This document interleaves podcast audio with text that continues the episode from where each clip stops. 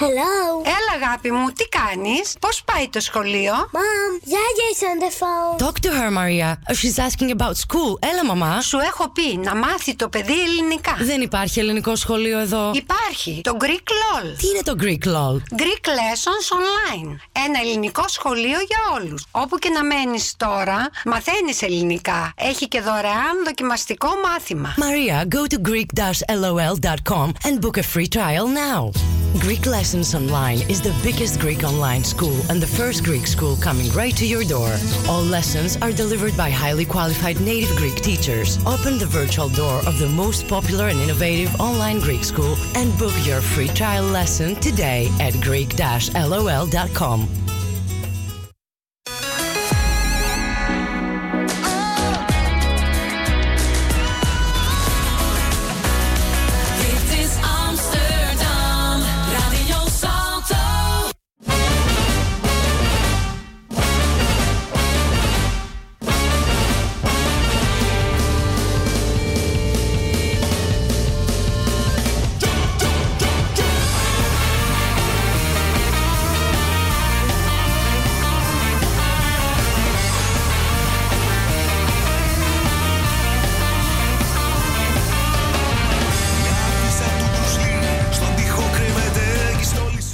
Καλησπέρα από ένα ζεστό και βροχερό, σχεδόν τροπικό Άμστερνταμ. Άλλη μία Πέμπτη είμαστε εδώ, πιστοί στο ραντεβού μας. Εσείς πάλι όπου και αν βρίσκεστε, ακούτε ασφαλώς Ελλάς Πίνακας.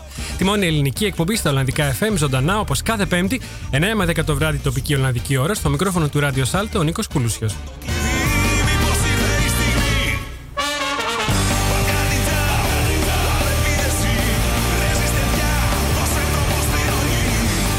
Εκπέμπουμε ζωντανά από το δημοτικό σταθμό του Άμστερνταμ. Υπάρχουν αρκετοί τρόποι για να μας ακούσετε live. Αν αγαπάτε το συμβατικό ραδιόφωνο, αυτό με την κεραία και βρίσκεστε στην περιοχή του Άμστερνταμ, θα μας βρείτε στο ράδιο Σάλτο στο 106,8 των FM και καλωδιακά στο κανάλι 103,3 πάλι και μόνο στην περιοχή του Άμστερνταμ αυτά τα δύο. Ενώ διαδικτυακά μας ακούτε παντού στον κόσμο από το ελλάσπιντακα.com με ένα κλικ στο κουμπί Listen Now.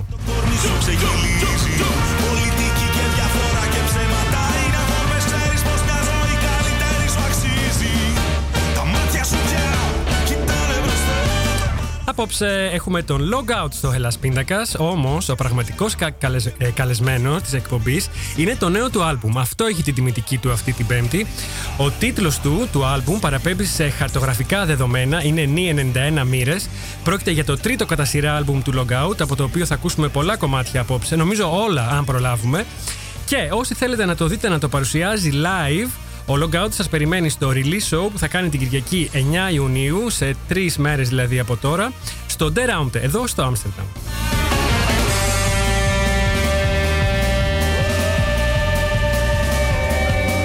Αν είστε χρήστης λάτρης των social media, θα μας βρείτε σε όλα τα κοινωνικά δίκτυα, στη σελίδα μας σε Facebook, Twitter και Instagram. Ενώ για να επικοινωνήσετε μαζί μας ζωντανά, μπείτε τώρα στη σελίδα του Ελλάς Πιτακά στο Facebook και αποστάρετε εκεί το σχόλιο σας σαν νέο post ή γράψτε μας μέσω Twitter χρησιμοποιώντας το hashtag Ελλασπίνακα και hashtag logout. Τώρα το κομμάτι που ακούμε τώρα και δίνει μουσικά την έναρξη της εκπομπής κάθε Πέμπτη ανήκει στους Μπάιλτισα, λέγεται Balkan Ninja και ευχαριστώ ιδιαίτερα την μπάντα που μου το παραχώρησε για το Ελλάς Πιτακάς, για την εκπομπή.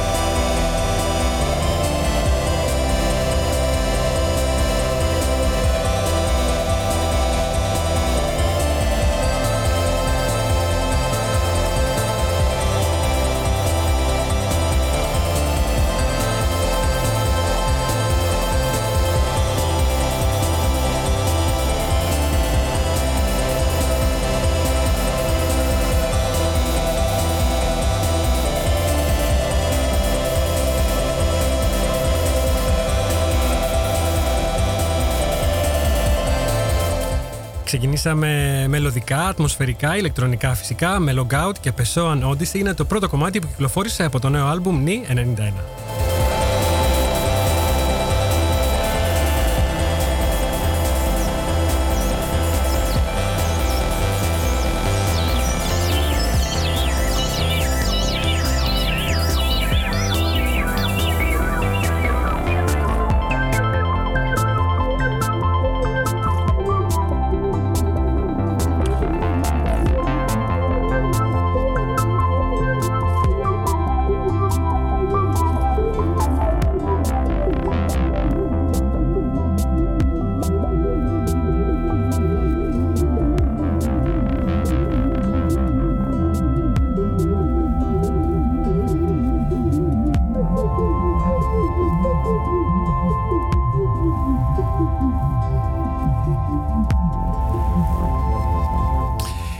Μεγάλο το κομμάτι, μεγάλης διάρκειας. Μας βολεύει αυτό εμάς, τους ραδιοφωνικούς παραγωγούς, γιατί μπορούμε να το χρησιμοποιήσουμε και ως χαλί, να πατήσουμε για λίγο επάνω του.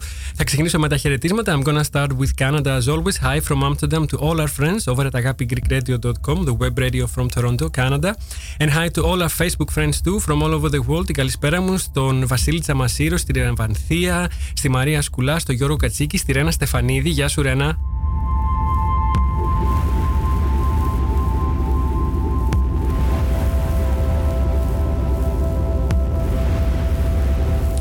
Πολλά φιλιά και χαιρετίσματα στην ανιψιά μου τη Μαριάννα που μας ακούει από το Βελιγράδι, στη Βίβιαν Χιονά, την ψυχολόγο μας από το Expat Nest, στη Δανάη, στην Κατερίνα Βασιλιάδου, στον Αντώνη και τους Super Greeks, στην Τέτη και τον Γιώργο, στον Παναγιώτη και στον Πασχάλη που ακούνε από Ιρλανδία και Ελλάδα αντίστοιχα και την καλησπέρα μου φυσικά στον ανεκτήμητό μου συνεργάτη, το φίλο και συνοδοιπόρο, τον Νίκο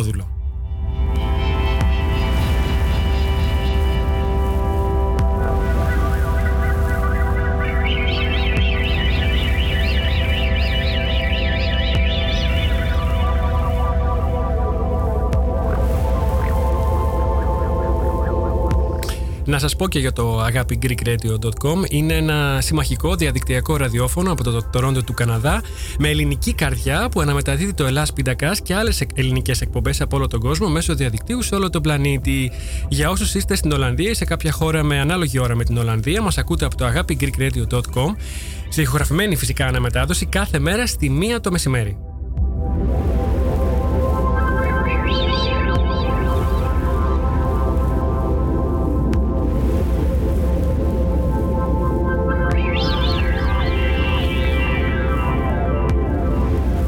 Όσοι δηλαδή χάνετε το ζωντανό Ελλάς Πυρακάς κάθε πέμπτη βράδυ, μπορείτε να ακούτε την αναμετάδοση και από το agapigreekradio.com κάθε μέρα στη μία το μεσημέρι.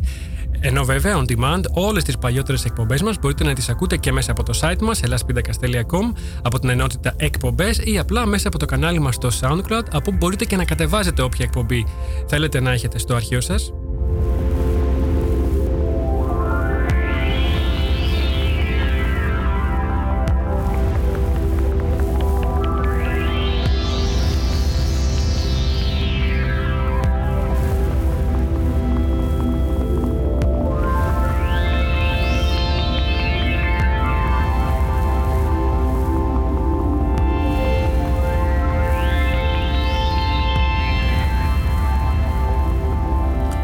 Και με τους ήχους του Pesson Odyssey ως χαλί θα περάσουμε τώρα στον καλεσμένο μου για απόψε που δεν είναι άλλος από τον Logout.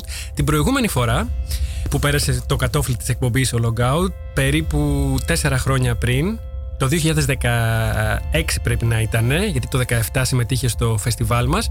Ε, έπαιξε ζωντανά εδώ για τους ακροατές μας. Τότε είχαμε μιλήσει περιγράφοντάς τον για κιθάρα, φωνή, ηλεκτρονικό ήχο με πεντάλια και live looping και όλα ζωντανά στο στούντιο. Το άλμπουμ που κυκλοφορούσε τότε ήταν το Little Things Buried in Concrete. Τότε μιλούσαμε για ένα νέο καλλιτέχνη που, που κατακτούσε όλο και περισσότερο το ελληνικό αλλά και το ολλανδικό κοινό. Από τότε μέχρι σήμερα πέρασε αρκετός καιρός και ο Logout δεν είναι πλέον ο νέο ανερχόμενος, αλλά ο καλλιτέχνης που έχει 55.000 followers στη σελίδα του στο Facebook. Γεια σου, καλησπέρα. Καλησπέρα. Logout. ε, και έχει και ένα τρίτο άλμπουμ ε, που κυκλοφορεί το ΝΙ 91 όπως είπαμε και πολλές εμφανίσεις ε, σε Ολλανδία και αλλού θα μας τα πει ο ίδιος Συμμετείχε φυσικά και στο πρώτο Ελλάς Πιτακάς Festival το 2017 που έπαιξε πριν ακριβώς από τους Μικρο Αυτά για εισαγωγή Τώρα, Logout Θέλω να μου πεις τι μεσολάβησε. Εν συντομία, όσο μπορείς να μα δώσει μια μικρή περίληψη όσων μεσολάβησαν από την προηγούμενη φορά που ήσουν εδώ. Τι έκανες στο ενδιάμεσο διάστημα; Ε, κυρίως το άλμπουμ που ακούτε. ε, Φυσικά. πήρε, πήρε πολύ χρόνο τελικά αυτό το άλμπουμ. Ε, ε, Θα σε ρωτήσω συγκεκριμένα για το Ναι, άλμπουμ. Αν ναι. θέλεις, κράτησε, μη μας τα πεις όλα Αχα, τώρα. ναι, ναι. Ε, Έκανες και εμφανίσεις όμως; Ναι, ναι. Ε, Έχουν συμβεί αρκετές. Ε, Κυρίως κάθε. Μ, Ε, και γύρω στα Χριστούγεννα κάνουμε μια συναυλία μαζί με την Αρίσα Γκριν και τη Δεσποινή Στρίχρωμη στη, στο Μπάιο στην, ε, στην Αθήνα. Αθήνα. ε, που αυτό συνέβη ε, δύο χρονιές στη σειρά Ε, και ε, κατά τα άλλα κάποιες ε, συναυλίες στην Ολλανδία κυρίως ε, ε, με την ευκαιρία του Popronde που είναι Για πες αυτό μας το, το φεστιβάλ, ναι. το φεστιβάλ ε, το Ολλανδικό που ουσιαστικά κάνει μια επιλογή καλλιτεχνών κάθε χρόνο και κάποιοι από αυτούς παίζουν σε διαφορετικές πόλεις ε, διαφορετικές μέρες. Α, γι' αυτό είναι το Ronde. είναι ναι, ένα ναι. tour. Είναι σαν Ακριβώς, ναι. ναι. Οπότε ε, υπάρχει μία μέρα ε, για το Άμστερνταμ, μία μέρα για το Ρότερνταμ κτλ. Ε, και η ίδια επιλογή καλλιτεχνών παίζουν σε διαφορετικές πόλεις, οπότε Εσύ Ε, έπαιξες εδώ; ε, στο Άμστερνταμ δεν έπαιξα γιατί στο Άμστερνταμ είναι λίγο ειδικό, είναι μόνο στο Melkweg και είναι λιγότεροι καλλιτέχνες που μπορούν να παίξουν επειδή Φαντάζομαι. είναι μόνο ένας ο χώρος. Φαντάζομαι. Αλλά στο Ρότερνταμ, την Ουτρέχτη και μ, σε κάποιες ε, ακόμα πόλεις έπαιξα. Μμμ. Ε. Και Ελλάδα έχεις παίξει μόνο Αθήνα, Θεσσαλονίκη; Ε, π- μόνο Αθήνα προς το παρόν. Α, ναι. γιατί βρε παιδί μου; Ε, Εμείς στη ε, στην Θεσσαλονίκη- Πάτρα όταν ε, στην Πάτρα, στην σπούδασα, πατρίδα, στην πατρίδα. είχα παίξει αρκετά επίσης Ναι. αλλά Θεσσαλονίκη δεν έχει τύχει ακόμα Μμμ, για να μμμ. mı? Ε, Κάνεις πρόθεση της δουλειάς σου και στην Ελλάδα όμως; Ε, Τουλάχιστον μέσω διαδικτύου ναι, και ναι. μέσω των live σου; μέσω Ε, διαδικτύου συνεχίζεις. σίγουρα ναι ε, και νομίζω θα γίνει κάποιο live ε, 3 Ιουλίου δεν έχει κλείσει Α. τελείως ακόμα αλλά 3 Ιουλίου στην Αθήνα νομίζω θα γίνει ένα live θα το ανακοινώσω μέσα Με στις την μέρες ευκαιρία του του καινούριου άλμπουμ ναι, του, ναι. του νέου οπότε άλμπουμ. θα γίνει και μια παρουσίαση εκεί ναι, στις 3 Μάλλον Ιουλίου ξέρουμε venue, μάλλον; ε, ε, μην το σιγουρέψω Όχι, γιατί όχι. μου έχουν πει ακόμα Να μην το το ναι. γρουσουζέψουμε κιόλας. λοιπόν, Ναι. ε, log out. Είσαι ο manager του εαυτού σου, αν καταλαβαίνω. Καλά. Ε, Εσύ μανατζάρεις ε, όλες τις κινήσεις σου; Ε, εντάξει, σίγουρα έχω αρκετή ευελιξία. Ε, απλά σε αυτή την προσπάθεια, ειδικά σε αυτό το άλμπουμ, ε, με έχει βοηθήσει πολύ και αυτή η εταιρεία που λέγεται Tiny Room Records. Άλλαξες από την, εταιρεία. ε, ναι, άλλαξα από την In Ear που ήταν οι πρώτοι δύο δίσκοι. Ε, αυτός τώρα κυκλοφορεί με την Tiny Room Records που πραγματικά έχουν βοηθήσει πολύ. Για ε, πες μας λίγο, σε τι σε βοήθησε. ε, η Tiny Room εταιρεία; Records είναι μια μικρή indie εταιρεία. Ε, Σου ταιριάζει μάλλον. που μου ταιριάζει πάρα πολύ. Ε, και είναι ουσιαστικά η εταιρεία του ε, τραγουδοποιού που λέγεται Stefan Brouwer που ε, έχει και ένα δικό του project που λέγεται The World of Dust και εγώ ουσιαστικά επειδή μου άρεσε πάρα πολύ ε, αυτός σαν τραγουδοποιός ε, έτσι ξεκινήσαμε να μιλάμε ε, και όταν Στο αυτός- ίδιο ύφος στυλ με, είναι με σένα αρκετά, γράφει. αρκετά στο Συνθέτει. ίδιο ύφος. Ναι. Ε, μ, είναι πάλι με βάση την κιθάρα κάπως τα κομμάτια, αλλά όλο και μπαίνουν πειραματικά κάπως ε, στοιχεία σε δεύτερη φάση. Ε, οπότε είναι πολύ αντίστοιχο και το mood ας πούμε είναι πολύ αντίστοιχο. Ε, οπότε τα βρήκαμε πάρα πολύ. Ε, και όταν ολοκληρώθηκε, όταν ήταν κοντά στο να ολοκληρωθεί αυτός ο δίσκος ε, του έστειλα να ακούσει και από τότε ξεκινήσαμε και είπαμε ότι θα το κάνουμε μαζί, θα το κυκλοφορήσουμε μαζί.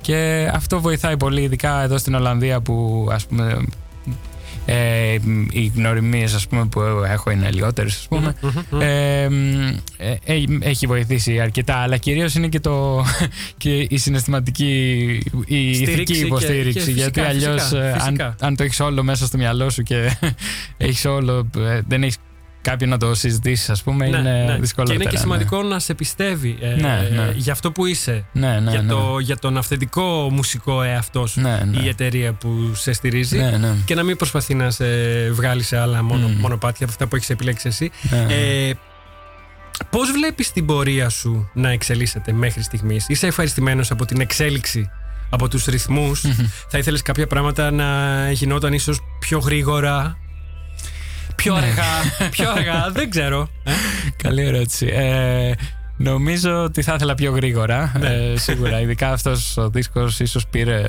πολύ καιρό. Έξι χρόνια. Ε, ναι, όλα, όλα. Έξι χρονάκια μόνο, ναι. Ε, εντάξει, ουσιαστικά είχαν γίνει διάφορες προσπάθειες ηχογράφησης που είχαν μείνει κάπως ημιτελείς σαν διαφορετικά κόνσεπτ ας πούμε που δεν οδηγούσαν κάπου. Ναι. Είχα κάποια, μ, κάποιες ηχογραφίες που έφτασαν πιο κοντά στο να τις θεωρώ ε, μ, άλμπουμ που θα μπορούσα να κυκλοφορήσω αλλά ε, τελικά δεν, δεν έκανα το βήμα να το μοιράσω γιατί σκεφτόμουν πάντα ότι μπορώ να το ξαναηχογραφήσω και να γίνει κάπως καλύτερο. Κανένα EP στο ενδιάμεσο, Ε, συγκλάκι που λέγαμε παλιά. Κάτι, κάτι είχε βγει Ναι, ναι, παλαιότερα, ναι, ναι, ναι. αλλά... Έτσι για να διατηρήσει και το κοινό σου Ναι. σε...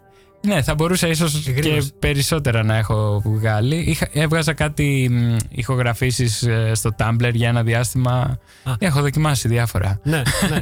Αλλά μ, αυτό νομίζω είναι και το πολύ σημαντικό στοιχείο που έχει φέρει και η συνεργασία με την ε, Tiny Room Records ότι ε, Μπήκαν τα πράγματα σε μια όταν, τροχιά. Ναι, ναι, Ναι. όταν το συζητάς με κάποιον και σου λέει ναι αυτό καλό είναι, βγαίνει, εντάξει. Συνεχίζεις, προχωράς. Επόμενο ας πούμε. Ε, ναι, σου δίνει έτσι ε, ναι, λίγο, λίγο περισσότερο κίνητρο να, το, να σπρώξεις κάποια πράγματα προς τα έξω και να προχωρήσεις σε ένα επόμενο βήμα.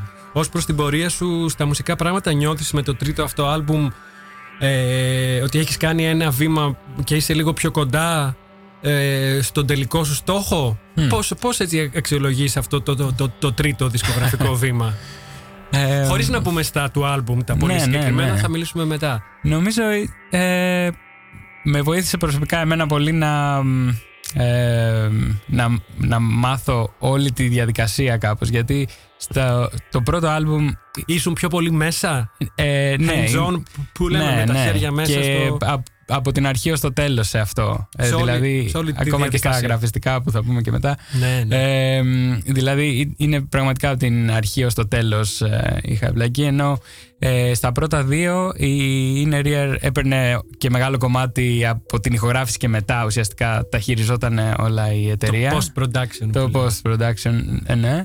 Και ο δεύτερος δίσκος είχα και τη μεγάλη βοήθεια του Χρήστου Λαϊνά Μμμ. ε, που έκανε την παραγωγή. Οπότε ουσιαστικά το ηχογραφήσαμε μαζί, αλλά είχε εκείνος τα Αναλάβει, έφτιαξε όλα ναι. τα υπόλοιπα. Αρκετά σημεία. Ε, Ε, μ, Παραγωγός σε αυτό είσαι εσύ; Σε, σε αυτό το έκανα όλο μόνος μου. Οπότε. Άρα είναι σημαντικό βήμα. Ναι, ναι. ναι.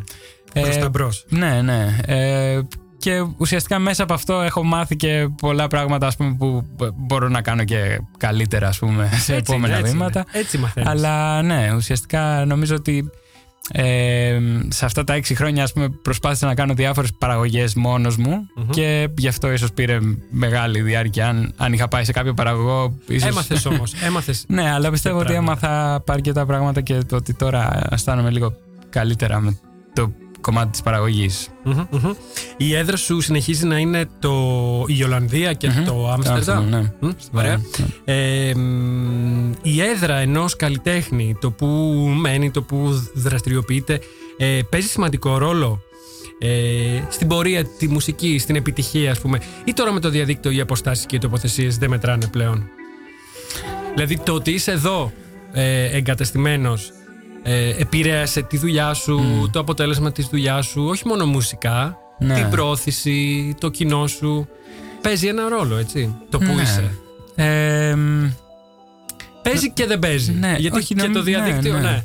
Παίζει. Νομίζω ότι μ, σίγουρα οι σχέσεις που κάνεις που είναι face to face ας πούμε είναι πολύ πιο συ- σημαντικές ενώ στο διαδίκτυο μπορείς να στείλεις ένα mail αλλά δεν ε, λέει και κάτι γιατί Έτσι. είναι πολύ απρόσωπο Ε, μ, και νομίζω ότι κυρίως ε, μ, η απόσταση από την Αθήνα όπου ας πούμε υ- υ- υπάρχουν περισσότερες κοινωνικές σχέσεις και τα λοιπά Ναι, ναι, ε, ναι, μ, ναι, ναι. ίσως λίγο δυσκολεύει τα, τα πράγματα. Για παράδειγμα, ας πούμε, στην Αθήνα θα, θα μπορούσα να κάνω πιο πολλές μουσ- μουσικές συνεργασίες που θ- με ενδιαφέρει πάρα πολύ και αυτό το κομματι Μμμ. Ε, επειδή έχω πολλούς φίλους μουσικούς εκεί, εδώ όχι στον ίδιο βαθμό.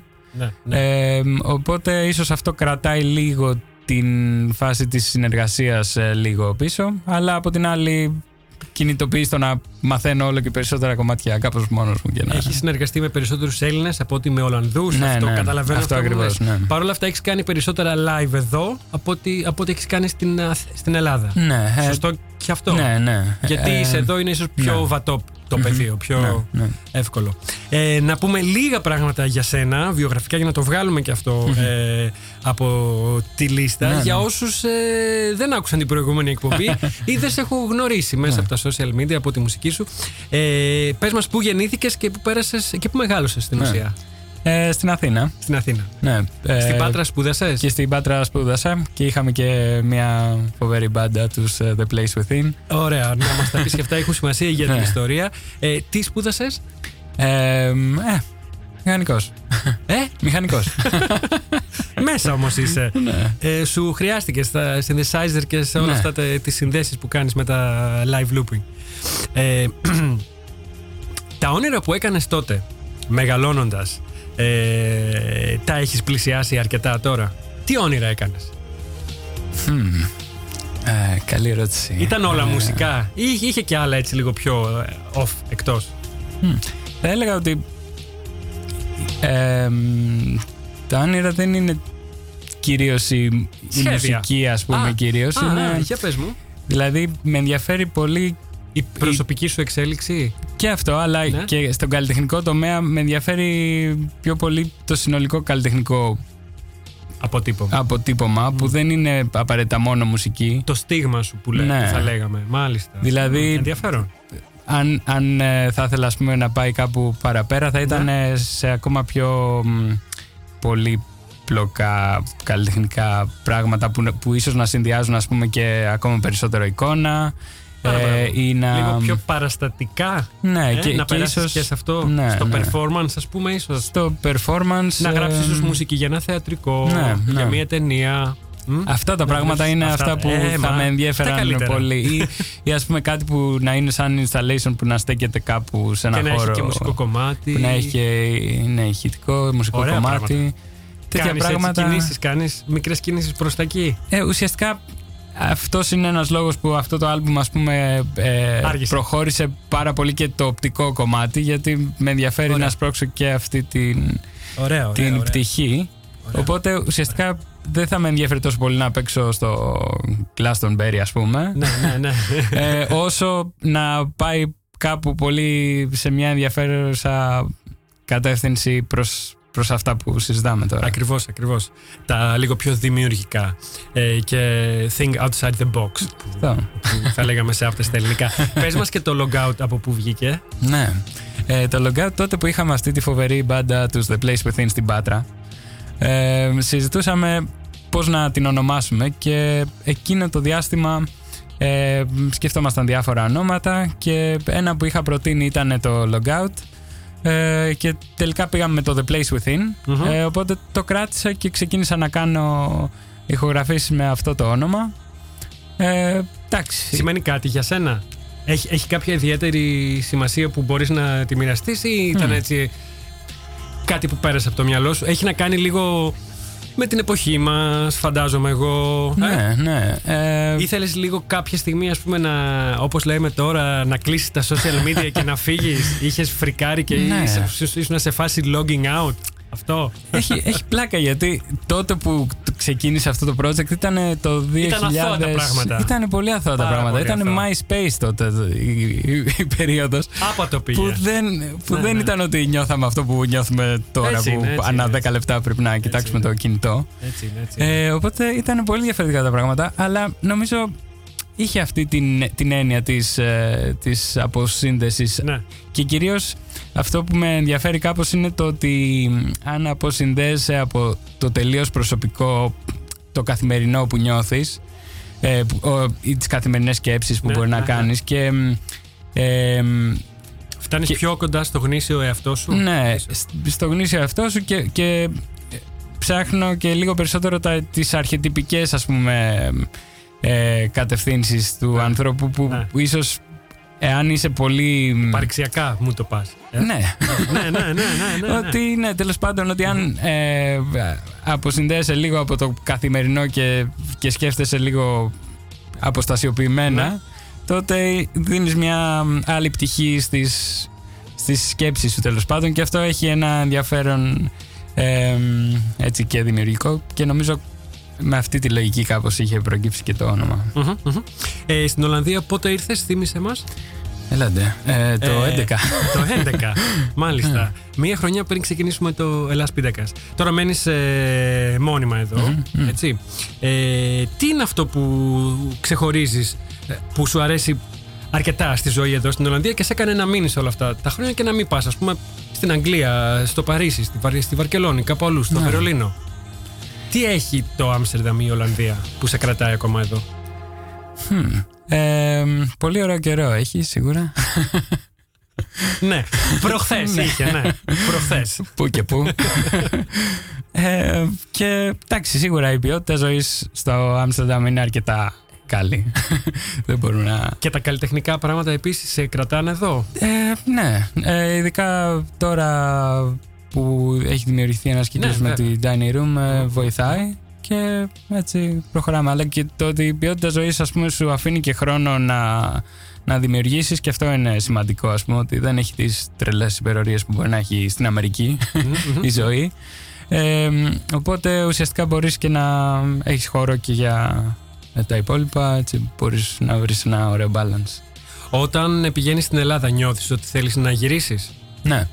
Άρα έχει ημερομηνία λήξης η διαμονή σου εδώ, πιστεύεις; Ε, μάλλον, δεν, δεν ξέρω ακριβώς, αλλά... Δεν ξέρεις το ναι. πότε. Ναι, δεν ξέρω το αλλά πότε, υπάρχει στο αλλά- τέλος, Ναι, ε, ναι. στο βάθος, ε, Ναι, ναι. ημερομηνία λήξης. Και μια τελευταία ερώτηση κρίση αυτή, μιας και μιλήσαμε και για Ελλάδα και για Ολλανδία έτσι λίγο. Πού πιστεύεις ότι η ζωή είναι πιο ελεύθερη, στην Ελλάδα ή στην Ολλανδία; Μμ, Ελεύθερη. το ρωτάω αυτό τον τελευταίο καιρό σε όλους τους καλεσμένους, Έλληνες, ξένους. Μάλιστα. Ελεύθερη με Έτσι, ποια έτσι έννοια; όπως το καταλαβαίνεις. έτσι όπως, ε, όντως έχει πάρα πολλές έννοιες. Ε, εγώ θα το τοποθετούσα, αν με ρωτάς, ε, στο ε, να μπορείς να κάνεις αυτά που θέλεις να κάνεις εσύ για τον εαυτό σου. Να είσαι ο εαυτός σου. Αυτό. Μμ. Χωρίς περιορισμούς, όσο λιγότερους γίνεται. Πού είναι η ζωή, πιστεύεις, πιο ελεύθερη; Μμ. Πολύ δύσκολη ερώτηση. Ε, Ρίξε μάλλον, ένα κορώνα γράμματα. ε, ίσως στην Ελλάδα θα έλεγα Μάλιστα. κυρίως επειδή ίσως Είναι η σε κουλτούρα τέτοια. σε καταλαβαίνει ο κόσμος λίγο και- καλύτερα. Ε, ενώ εδώ μπορεί να χαθεί στη μετάφραση και μπορεί να κάνεις και μία έξτρα προσπάθεια για να μεταφράσεις. Έτσι είναι, έτσι είναι. Ε, και εμ, ουσιαστικά πάντα αυτό που λένε ότι όταν εμ, μιλάς σε μια γλώσσα που δεν είναι η, μητρική ε, σου, η η δική μητρική σου, σου, τότε πάντα είναι πιο εγκεφαλικό αυτό που λες σε σχέ- ε, και λιγότερο σ- ε, σε Ε, σχέση ναι, με ναι, το ναι, συνέστημα. ναι, ναι, ναι, ναι. Οπότε, Επειδή είναι ναι. δομημένος ο λόγος. Σκέφτεσαι για να Ναι, φτιάξεις ναι. προτάσεις και δεν σου βγαίνουν αυθόρμητα Ναι, ίσως. Ναι, οπότε ναι. ίσως αυτό χάνει λίγο από την ελευθερία, αλλά όχι ότι απαραίτητα είναι Ωραία κακό. Ναι. η τοποθέτηση αυτή. Ενώ μας, είπ- μας πρόσθεσες και μία άλλη διάσταση. Ε, λοιπόν, θα κάνουμε τώρα ένα μικρό διάλειμμα, το πρώτο για απόψε. Θα ακούσουμε ακόμη ένα κομμάτι από το νέο άλμπουμ του Logout, το Ni91. Θα πάρουμε μία ανάσα μουσικής δηλαδή και επανερχόμαστε με τον καλεσμένο μου για απόψε. Το κομμάτι που θα ακούσουμε τώρα, που ακούμε, λέγεται Love Me και είναι το δεύτερο που κυκλοφόρησε Ναι. από το νέο άλμπουμ.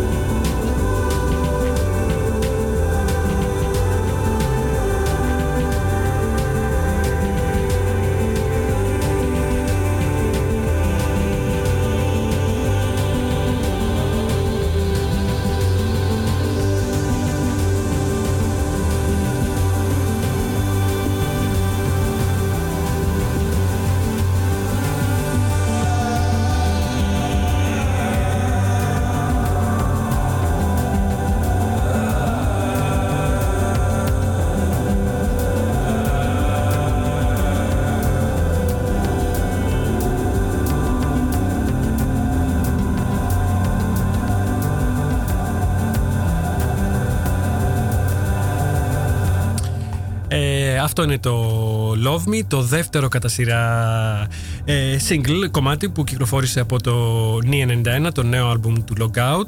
Ε, επιστρέψαμε, έχουμε στο στούντιο φυσικά τον Logout όπως είπαμε, ακούμε τα, τα τραγούδια του από το νέο του άλμπουμ, ενώ παράλληλα συζητάμε για τη ζωή και τη μουσική του πορεία. Τώρα, πάμε και στα αμυγός μουσικά σιγά σιγά. Ε, τώρα ήδη απαντήσαμε κάπως στην ερώτηση αυτή.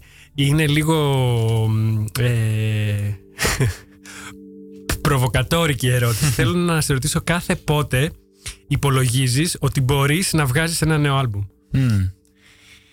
Ελπίζω ότι το επόμενο θα έρθει πολύ σύντομα. Είμαι... ναι, ναι, ναι. Ξέρεις τι, δεν είσαι ο μόνος.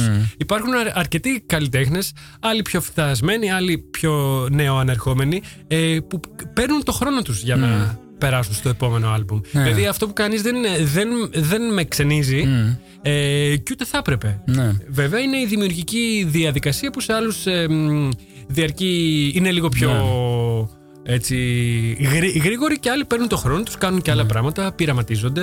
Ναι. Είναι και το είδος σου τέτοιος που, που το σηκώνει αυτό. Ε; Ναι, α- αλλά πιστεύω ότι είναι, είναι κοντά γιατί ήδη δουλεύω σε ένα επόμενο. Α, που- πήρες τώρα Ναι, έχω αρκετή Φόρα. φορά τώρα. Και, Moment. και ναι, νομίζω ότι θα είναι κοντά. Είναι, είναι βασικά σε κά- στα live, ειδικά στην Ελλάδα, παίζω και κάποια κομμάτια που είναι με ελληνικό στίχο. Και ναι, μετά από τα live συνήθως μου λένε πότε θα βγουν και αυτά, ρε παιδί μου, κάποια στιγμή. Ε, και μ, ε, ουσιαστικά αυτά κάπως ετοιμάζω αυτό τον καιρό. Α, θα βγουν ω EP. Ε, δεν ξέρω ακόμα τις λεπτομέρειες μορφή αλλά και το format, νιώθω ωραία. ότι είναι κάπως κοντά. Τώρα εντάξει, δεν νομίζω να βγουν αυτή τη χρονιά, αλλά σιγά σιγά μπορεί να βγει κάποιο single. Και μ, η τελευταία δισκογραφική εταιρεία, η δεύτερη, αυτή που έχεις τώρα, δουλεύει αποκλειστικά με το διαδίκτυο, αυτό καταλαβαίνω, στην πρόθεση. Ή θα κυκλοφορήσει και. Α, έχουμε και βινίλιο, Και- ναι, ναι. Α, και βινίλιο, όπως Ναι. και με τα προηγούμενα. Ναι, ναι, ναι. Και σε ευχαριστώ πάρα πολύ. το έχω κρατήσει και το φυλάω σαν ε, Ναι, θησ- ναι. θησαυρό.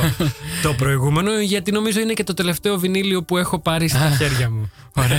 Από 20 ετία, να μην σου πω. Ωραία. Ναι. Ε, την Κυριακή θα έχουμε και τα βινίλια τα, Α, τι τα ωραία. καινούργια. Θα πούμε και για την Κυριακή. ε, για το release show. Ε, όμως κυκλοφορεί και στο διαδίκτυο που έχετε ένα ωραίο ε, concept, θα το πω, μία μέθοδο. Ε, έχετε ένα link. Πού μπορεί αυτό το link να το βρει κάποιος για να μπει να... απ- μέσα από το site σου, για να μπει να κατεβάσει τα κομμάτια, Ναι. κάνοντας μία δ- δωρεά ανάλογη ε, των δυνατοτήτων. Ναι, του. ναι, ναι. ναι. Πού μπορεί όμως να βρει το link, εσύ μου το έστειλες. Ναι, ναι. Είναι το Bandcamp που είναι ουσιαστικά ένας τρόπος να ε, κυκλοφορεί κανείς κομμάτια μόνος του και η εταιρεία αυτή η Tiny Room Records έχει το δικό της, τη δικιά της σελίδα στο Bandcamp Μάλιστα. και από εκεί μπορεί να μπει κανείς και να κατεβάσει τα κομμάτια με ελεύθερη συνεισφορά όσο θέλει ο καθένας. Ωραία. Από μηδέν ως, Μην τα λες αυτά, βρε. έως ε, χίλια. είσαι, είσαι, είσαι. Ναι, ναι, ναι. Ε, ακόμα αθώος. ε, λοιπόν, ε, σε ρώτησα και μου είπες πριν, ήθελα να σε ρωτήσω, το έχω εδώ σημειωμένο, πώς γεμίζει δημιουργικά ο χρόνος ανάμεσα σε δύο άλμπουμ. Αλλά ήδη μας είπες, μας το απάντησες. Ε, τώρα θέλω να σε ρωτήσω κάτι παρόμοιο. Πώς γεμίζεις τις δημιουργικές σου μπαταρίες όταν αδειάζουν; Μμ.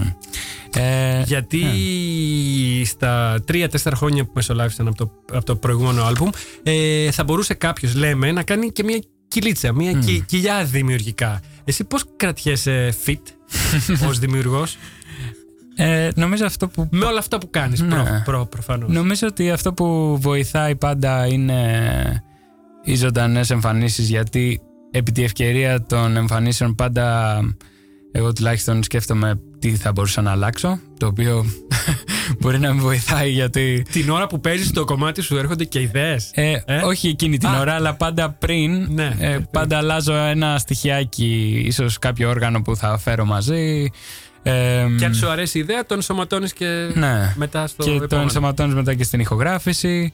Ε, οπότε αυτό είναι το ένα και ότι φυσικά παίρνεις και feedback την ώρα του live ε, που λέει ο κόσμος ας πούμε αν του άρεσε κάποιο κομμάτι. Μμ, μμ. Ε, και το άλλο είναι ότι αν έχει κανείς καινούρια όργανα ε, κάποιο σύνθη Από εκεί εμπνέεσαι δηλαδή. εκεί Και μπορεί από να εκεί. κινητοποιηθείς και πάλι. Κάνεις recharge. Και ουσιαστικά ο συγκεκριμένος δίσκος είναι το, το βασικό παράδειγμα γιατί όλο ηχογραφήθηκε όταν πρώτο πήρα ένα σύνθη της ε, Roland, ένα μικρό σχετικά, αλλά επειδή είχε πολύ ωραίους ήχους, ε, έτσι ε, μ, Σε πήρα παρέσυρε, κίνητρο σε και, παρέσυρε ήθελα- δημιουργικά, και ναι, ναι. ηχογράφησα αυτά τα κομμάτια κατευθείαν με το, με το synth και ουσιαστικά όλος ο ήχος του άλμπουμ είναι ε, από ένα synth και από τον πρώτο μήνα που το είχα.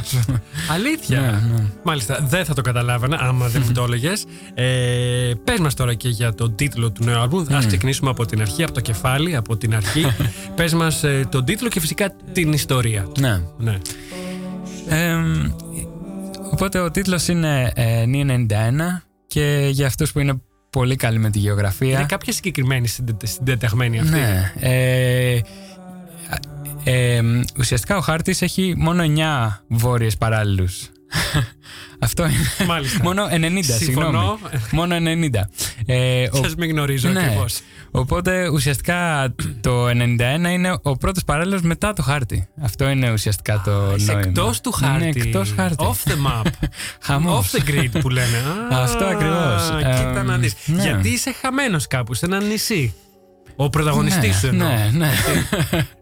Ο πρωταγωνιστής της ιστορίας. Ναι. Της μουσικής σου ιστορίας. Ε, από τι εμπνεύστηκες αυτή την ιστορία, αυτό τον τίτλο, ναι. αυτή την ιδέα; Ε, ουσιαστικά η πλάκα με το να παίρνεις το χρόνο σου κάπως με τα κομματια είναι ότι ε, μετά μπορείς να χτίζεις και κάπως ιστορίες με τα κομμάτια. Οπότε αυτό έγινε σε αυτή την περίπτωση. Δηλαδή ε, η ιστορία κάπως ξεκίνησε με το ομώνυμο κομμάτι που είναι το τελευταίο κομμάτι του δίσκου που λέγεται Νι 91.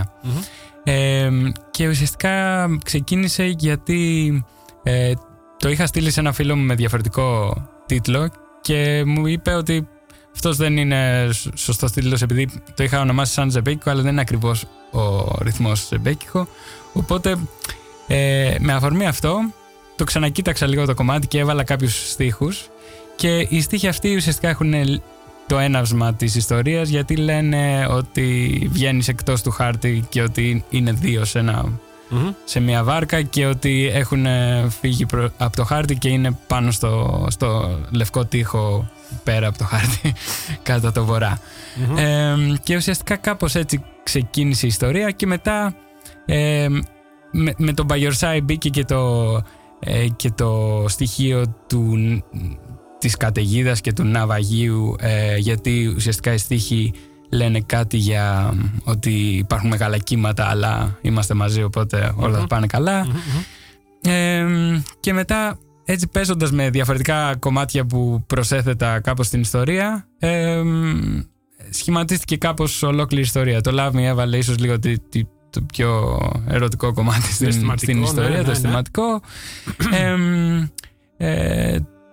ε, το, ε, μ, και κάπως έτσι. Άρα όλα ξεκίνησαν από το νι 91, Ναι. το μόνιμο Ναι. κομμάτι. Μάλιστα. Και το άλλο για όσους είναι καλοί στη γεωγραφία είναι Ναι, ότι ναι. το νι 38 που είναι ο- η πρώτη συνταγμένη είναι ε, η παράλληλος που περνάει από την Αθήνα μας. Α, μάλιστα. ναι, Άρα οπότε- η παράλληλη, τώρα που θυμήθηκα και εγώ τα, Ναι. μα- τα μαθητικά μου χρόνια, είναι οι γραμμές που ξεκινάνε οι κάθετοι από τον βόρειο ως τον νότιο πόλο και χωρίζουν σε φέτες κάθετες Ναι. τη γη και οι παράλληλοι χωρίζουν Ακριβώς. σε φέτε. Ωραία, μάλιστα. τα βρήκαμε. Τέλεια. ε, λοιπόν, αυτή είναι η ιστορία και η μουσική φυσικά ακολουθεί κάπως και την ιστορία. Ναι. Ε, και οι στίχοι. Ναι, και οι Ναι, στίχοι ναι. ακολουθούν, ε, οι οποίοι είναι γραμμένοι από εσένα. ναι. Μμμ. Είναι όλοι οι στίχοι στα αγγλικά, από ό,τι θυμάμαι. Ναι. Ναι. Ε, τώρα, ήθελα να σε ρωτήσω. Μισό λεπτό. Να ακούμε και κάτι. Ε, είναι αφηγηματική η experimental μουσική που συνθέτεις; Θέλω να πω, σε βοηθάει αυτό το συγκεκριμένο είδος μουσικής να, βη- να αφηγηθείς στην ιστορία σου καλύτερα από ό,τι θα έκανες με ένα άλλο είδος, με την ε, καθαρή pop, ας πούμε, με την καθαρή rock; Καλή ερώτηση. Ε, μ, μάλλον όχι. Ε, ο- όπως είναι ο δίσκος ίσως είναι λίγο δύσκολο να μπεις κάπως στην ιστορία και ίσως για κάποιους ε, ακούγεται λίγο ξένη η ιστορία σε σχέση με τα κομμάτια. Ναι. Ε, μ, αλλά λειτουργεί καλά όταν στο live ουσιαστικά λέω κάπως την ιστορία ανάμεσα στα κομμάτια. Και τότε, και τότε λειτουργεί αρκετά. Δηλαδή μου έχει πει και ο κόσμος ότι ε, βοηθάει πολύ να μπεις λίγο σε αυτόν τον κόσμο. Ναι, ναι, και ναι, ναι. Μ, ναι. Άρα μ, χρειάζεται ίσως μερικές δικές σου έτσι, παρεμβολές αφηγημα- αφηγηματικού τύπου Ναι. για να βάλεις τον άλλον ακριβώς Ναι. αυτό. Αλλά νομίζω και αυτές να μην υπάρχουν. Ε, το πνεύμα από τους τίτλους, από τη μουσική, κάποιος θα, το, θα το Βγαίνει. πάρει Ναι. στο τέλος. Ναι, Ιδίως ναι. κάποιος που έχει έτσι και ιδιαίτερες ευαισθησίες. Ναι, ναι. Ε, μ, τώρα, η ηλεκτρονική. Μίλησαμε λίγο για την experimental μουσική και τους ήχους αυτούς. Η ηλεκτρονική μουσική. Α, ήθελα να σου πω ότι εμένα ε, μ, μου, μου ταιριάζει το αφηγηματικό στην experimental μουσική γιατί έχει η experimental μουσική αυτό το, το χάσιμο Μμ. το οποίο μπορείς κάπως ε, να το κοντρολάρεις για να βοηθήσεις την ε, Ναι, αφήγησή σωστά, σου. ναι. Σε βοηθάει ας πούμε ε, σ- ε, μ, στη φαντασία. Ναι, ναι, ναι. Οκ. Ε, τώρα ήθελα να σε ρωτήσω, η ηλεκτρονική μουσική ποιο ατού έχει έναντι των πιο παραδοσιακών, αναλογικών θα λέγαμε, Μμ. ειδών μουσικής; Εμ, Έχει κάποια ατού; έχει σίγουρα. Ε, ουσιαστικά, όπως Έχει γράφτηκε... περισσότερες δυνατότητες; εμ, όπως γράφτηκε... Συγγνώμη, πες ναι. μου, ναι. Σε διακόπτω. Ε, διακόπτω εντάξει. και τον ήρμό σου. Πες μου. Ε, όπως γράφτηκε αυτός ο δίσκος ουσιαστικά χρησιμοποίησα πολύ το ότι εάν έχεις προ, προκαταγράψει το τι πρέπει να παιχτείς σε ένα synth τότε είναι σίγουρα ε, πολύ σωστά στο χρόνο ε, μετρονομημένο ας πούμε Ε, επειδή είναι προ, προγραμματισμένο το τι θα παιχτεί Κατάλαβα. οπότε γράφεις μια Από αλληλεγχία τεχνικής μορφής Ναι. μιλάς. Ναι. ενώ όταν παίζεις ένα όργανο μόνος σου, τότε ο χρόνος πάντα παίζει λίγο. Μπορείς να βγεις λίγο εκτός, να Ναι. ξαναμπείς μέσα. Είσαι λίγο πιο πειθαρχημένος χρονικά ναι. με την ηλεκτρονική Στην ηλεκτρονική μουσική. μπορείς να είσαι απόλυτα πειθαρχημένος Απόλυτα. γιατί, στο δευτερόλεπτο, ναι, ας πούμε, γιατί στο, είναι, στο παίζει, κλάσμα. παίζει ο υπολογιστής εκεί. Μάλιστα. Και αυτό Μμ. είχε για μένα ένα ενδιαφέρον. Αυτό Να- όμως μπορεί να είναι και δεσμευτικό στο τέλος. Μμ. Ναι, μπορεί να είναι δεσμευτικό, αλλά εμένα μου άρεσε το ότι εάν ο υπολογιστής παίζει κάπως την, αλ- τη βασική αλληλουχία της μουσικής, τότε μπορείς να παίζεις ε, την ώρα που παίζονται, παίζεται η αλληλουχία, μπορείς να παίζεις πολύ με τα φίλτρα ουσιαστικά και να, και να, Μάλιστα. και να ε, αλλάζεις τον ήχο όσο ο υπολογιστής παράγει τις βασικές συχνότητες, εσύ παίζεις με τα φίλτρα, οπότε... Ε, μ, Λοιπόν, Γίνεται ένα όμορφο παιχνίδι εκεί, ίσως λίγο Lockout. τεχνικό. θα σε κόψω λίγο. ναι. Ξέρεις ότι είμαστε παρά 10. Α, ωραία. τι, τι ωραία, δεν έχουμε, ακούσει, δεν έχουμε ακούσει το By Your Side που θα το ακούσουμε τώρα. Θα επιδείξω μερικές ερωτήσεις. θα πάμε προς το τέλος γιατί δεν μας φτάνει ο χρόνος. Είναι πολύ ενδιαφέροντα όλα αυτά που μας λες. Φυσικά πάμε να ακούσουμε By Your Side και επανερχόμαστε. you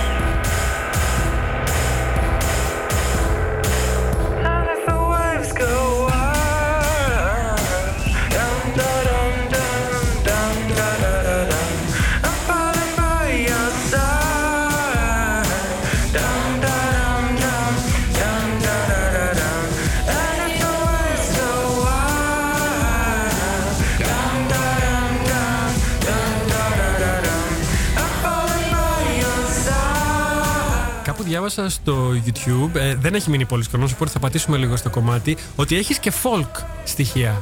Ναι. Και προσπαθούσα να καταλάβω πού και ακούγοντας αυτό το By Your Side.